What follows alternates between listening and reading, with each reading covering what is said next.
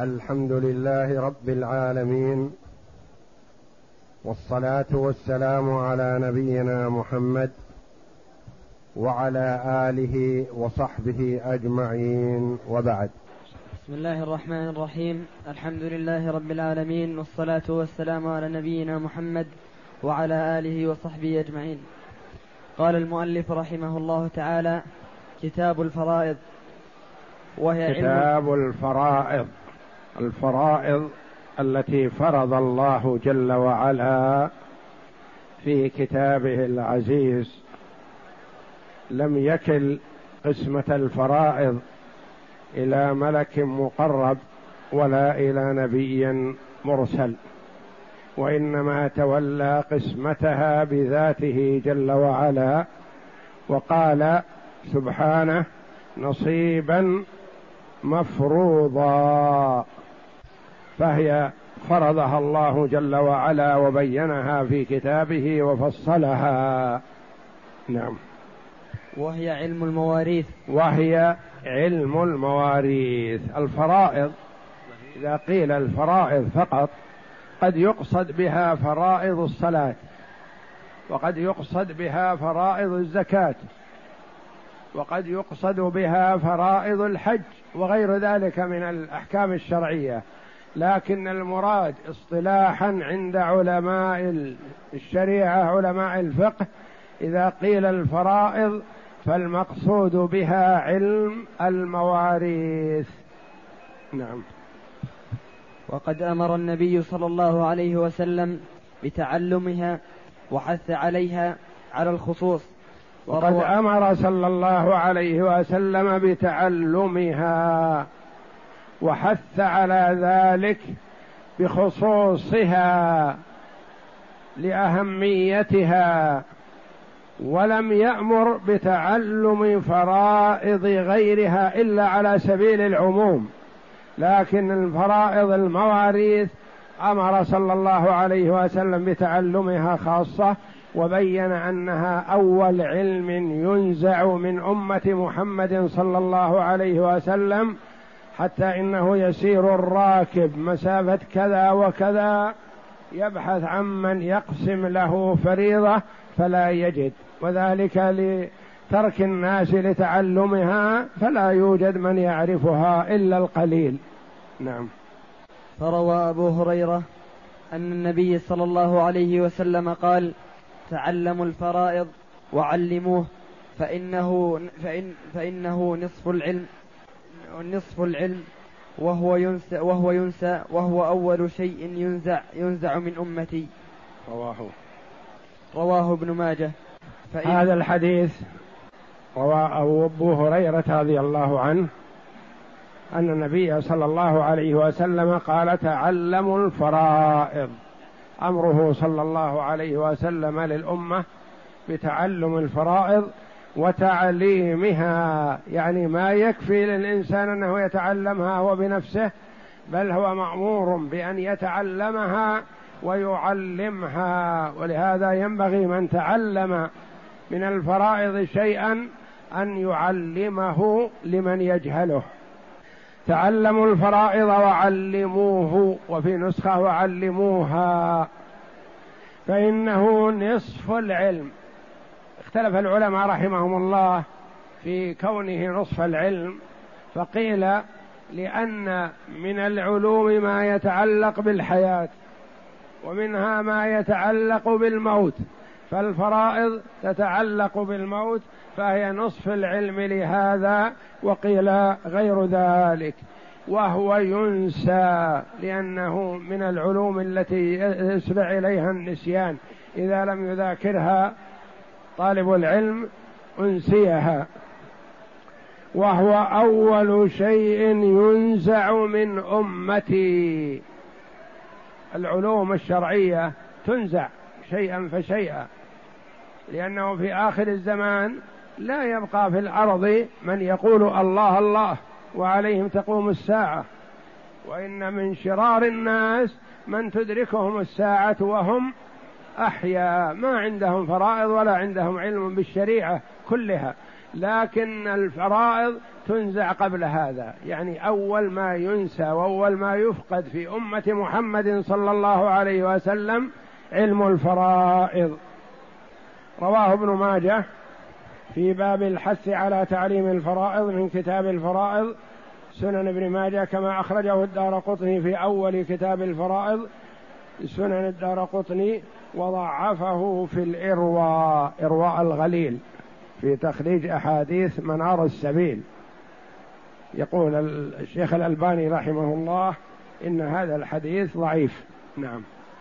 فإذا مات المرء بدأ بكفنه وتجهيزه مقدم مقدما على ما سواه كما يقدم المفلس بنفقته على على غرمائه ثم يقضى دي ثم يقضى دين دي دينه لقول الله تعالى من بعد وصية يوصي, يوصي بها يوصي بها أو دين. فإذا مات المرء بدأ بكفنه وتجهيزه مقدما على سواه.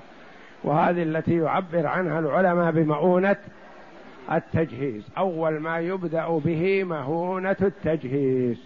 عليه دين يبدأ بمؤونة التجهيز أولا لأن مؤونة التجهيز بمثابة النفقة والنفقة يبدأ بها بالنسبة للمفلس قبل قضاء الديون. فمثلا مات الميت وهو في حاجة إلى خمسين ريال مؤونة التجهيز ومطلوب مئة ريال ووجدنا في بيته مئة ريال. الدائن يقول أنا أطلبه مئة أعطوني المئة.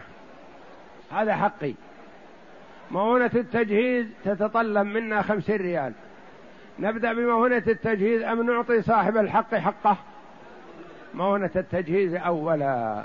قياسا على المفلس. المفلس مثلا حجرنا عليه ما يتصرف في ماله.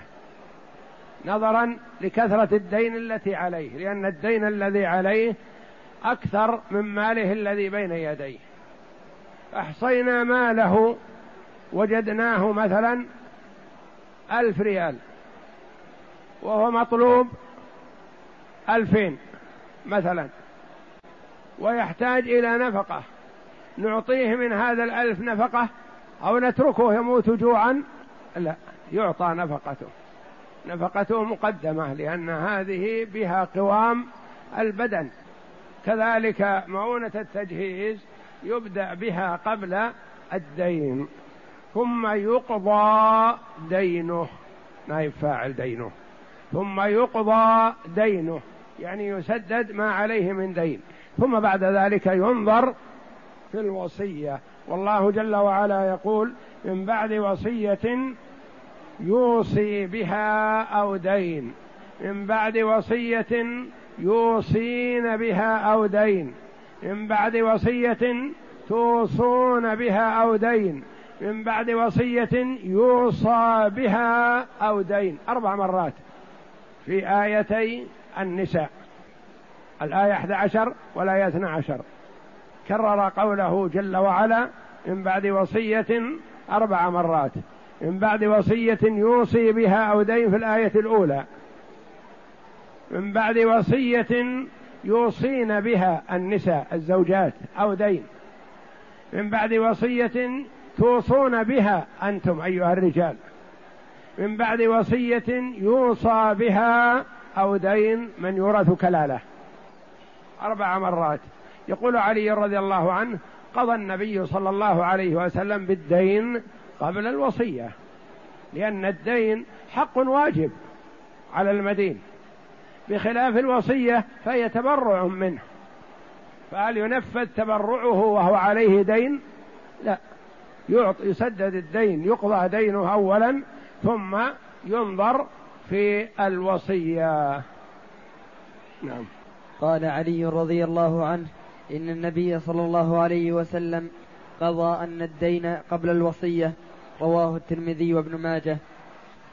ولأن الدين يعني أنها وإن كان الوصية مذكورة في الآية قبل الدين من بعد وصية يوصي بها أو دين يقول علي رضي الله عنه قضى النبي صلى الله عليه وسلم بالدين قبل الوصية.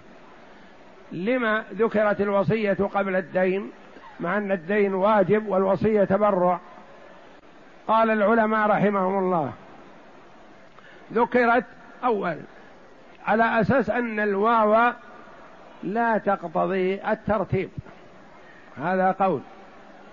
وقيل ذكرت الوصية من باب الحث عليها لأن الدين له حق له صاحب يطالب به ويلزم به ويوصل إلى القاضي ونحو ذلك بخلاف الموصى له فهو تبرع. يمد يدا قصيرة ويسأل فأكد الله جل وعلا حقه بأن قدمه على ما هو مقدم عليه في الأداء. فالدين يقدم في الأداء لا ينفذ وصية حتى يسدد الدين. نعم. ولأن الدين تستغرقه تستغرقه حاجة حاجته فقد فقدم كما فقد فقدم كمؤونة لأن الدين تستغرقه حاجته لأنه الدين أصله كان أخذه لحاجته الخاصة لحاجته الملحة فقضى به حاجته فودئ به. ثم إن الدين حق آدمي مقابل والوصية حق تبرع وليس لها مقابل. نعم. ثم قدم كمعونة تجهيزه. نعم. ثم تنفذ وصيته للآية. تنفذ وصيته للآية الكريمة يعني بعد الدين تنفذ الوصية. نعم. ولأن الثلث بقي على حكم ملكه ليصرف في حاجته فقدم فقدم على الميراث. لأن الثلث كأنه بقي له. لكل إنسان له حق في ماله الثلث فأقل وما دام أن له حق في المال بقدر الثلث فحينئذ تنفذ الوصية بقدر الثلث فإن زادت فلا تنفذ إلا بموافقة الورثة. نعم. كالدين.